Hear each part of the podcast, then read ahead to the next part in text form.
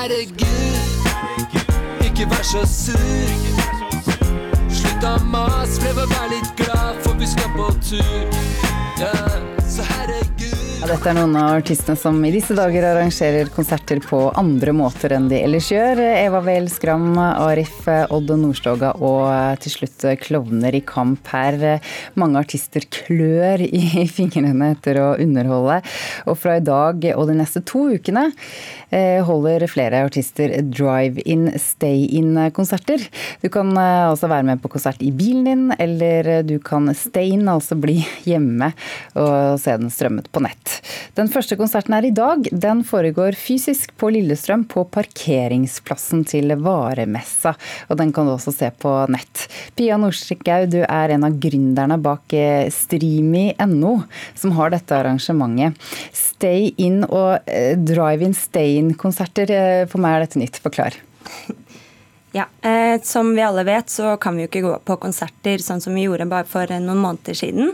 Eh, så vi ønsker jo å, å, samle underholdningsbransjen på en plattform og tilby noe som kan både involvere eller sysselsette mange, da. Ikke bare artist, men også alle som hjelper til fra scenering, lyd, lys osv. Eh, og derfor så kom vi på den ideen å sette opp en, en scene eh, på Lillestrøm, hvor folk kan da dra på konsert og, og se på det fra bilen sin. Og dette er jo et kjemperart og gøy opplegg. Vi er veldig spente på hvordan det kommer til å bli tatt imot i kveld. Og det er klart, eh, Både for artist så kommer det til å være veldig veldig spesielt å se utover publikum og, og se på biler.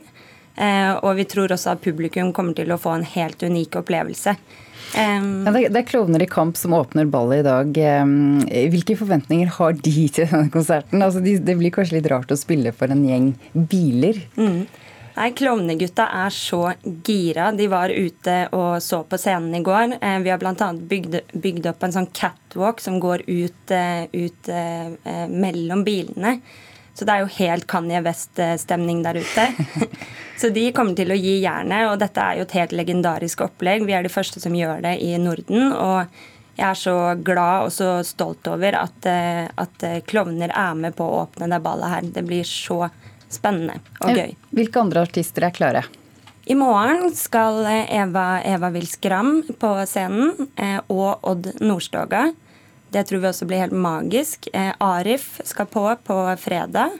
Eh, på lørdag skal vi teste standup, og det er nesten det vi er mest spent på. For det er klart, for en for en standuper å, å stå og dra vitser uten et publikum, det kan være ganske blytungt. så, så, det er klart eh, vi er veldig spente på hvordan det kommer til å funke. Og eh, nå er det jo Else Kåss Furuseth, Jonas Inge Bergland, Dag Sørås, Jonis Josef. Vi er jo sikre på at de klarer å, å få opp stemningen. Og så får jo de som sitter i bilene, gir respons i form av blinking og tuting osv. Og, og alt dette er altså på Lillestrøm, på parkeringsplassen til varemessa? Mm -hmm. ja. Men hva, hva, gjør man hvis man vil være med på dette? Da går man inn på streamy.no, og så kjøper man en eh, billett enten til drive-in eller til det vi kaller for stay in. Eh, det er klart Vi ønsker å inkludere alle i hele Norge å, til å ta del i dette. Så de som ikke bor i Oslo-området eller, eh, eller, i nærheten av Lillestrøm, eller ikke har bil, de kan jo da også kjøpe billett til livestreamen mm. og følge med. Så om du bor i Hammerfest eller Halden eller Lofoten, altså velkommen til dette opplegget. Og eh, det, en annen ting som er viktig å si, er at eh, livestreamen blir borte etter at showet er ferdig, så du må være der når okay. det skjer, akkurat som i det fysiske liv. Ok. Takk, Pia Norskau, altså en av gründerne bak Streamy.no. I Norge så må skoler og barnehager stenge. Veldig mange voksne må jobbe hjemmefra. Flere jeg kjenner sitter nå hjemme i karantene fordi de kan ha vært i kontakt med noen som er smittet. Og Det er sikkert ikke bare jeg som syns at eh, dette her er litt eh, rart. Så hvis du lurer på noe om eh, koronaviruset, spør i kommentarfeltet, og så skal vi i Supernytt svare så godt vi kan. Ja, her hørte dere, og noen også så, eh, et klipp fra NRKs eh, Supernytt sin eh, TikTok-konto, som de bruker da for å spre informasjon til sine seere. Og nå skal også Helsedirektoratet ta altså, i bruk videoappen TikTok. Kulturreporter Heather Ørbeck Eliassen. Ja, I går så sa Helsedirektoratet at de nå skal bruke denne appen TikTok i en kampanje mot barn og unge eh, for å nå den yngre målgruppen. Så på oppdrag fra Helsedirektoratet skal norske youtubere og påvirkere lage eget innhold som publiseres om korona og smittevern, som da skal publiseres på denne appen.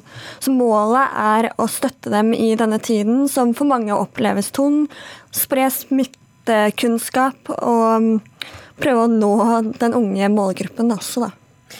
Mange kjenner godt igjen ordet TikTok, andre skjønner ingenting. Hva er TikTok?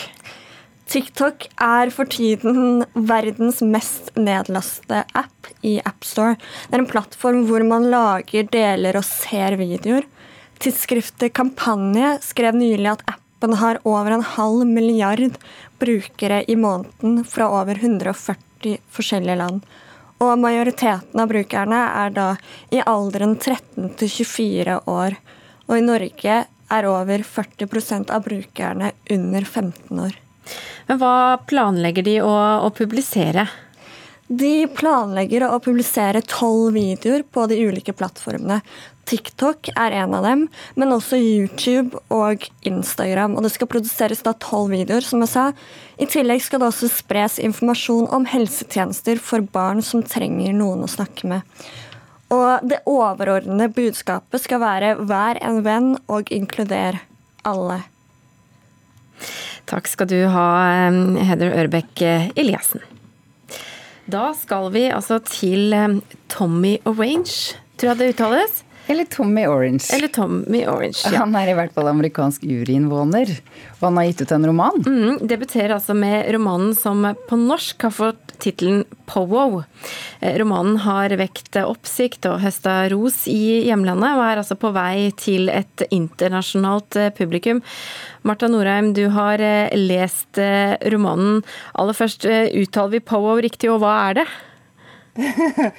ja, jeg er like god som deg på eh, hvordan det skal uttales. Men eh, det det er, er altså et stort stevne som går over flere dager, der indianere, urfolk, møtes for å konkurrere i dans og musikk, og for å treffe hverandre, møte nye folk osv. Så, videre. så det er på en måte som en norsk landskappleik, for de som kjenner den tradisjonen.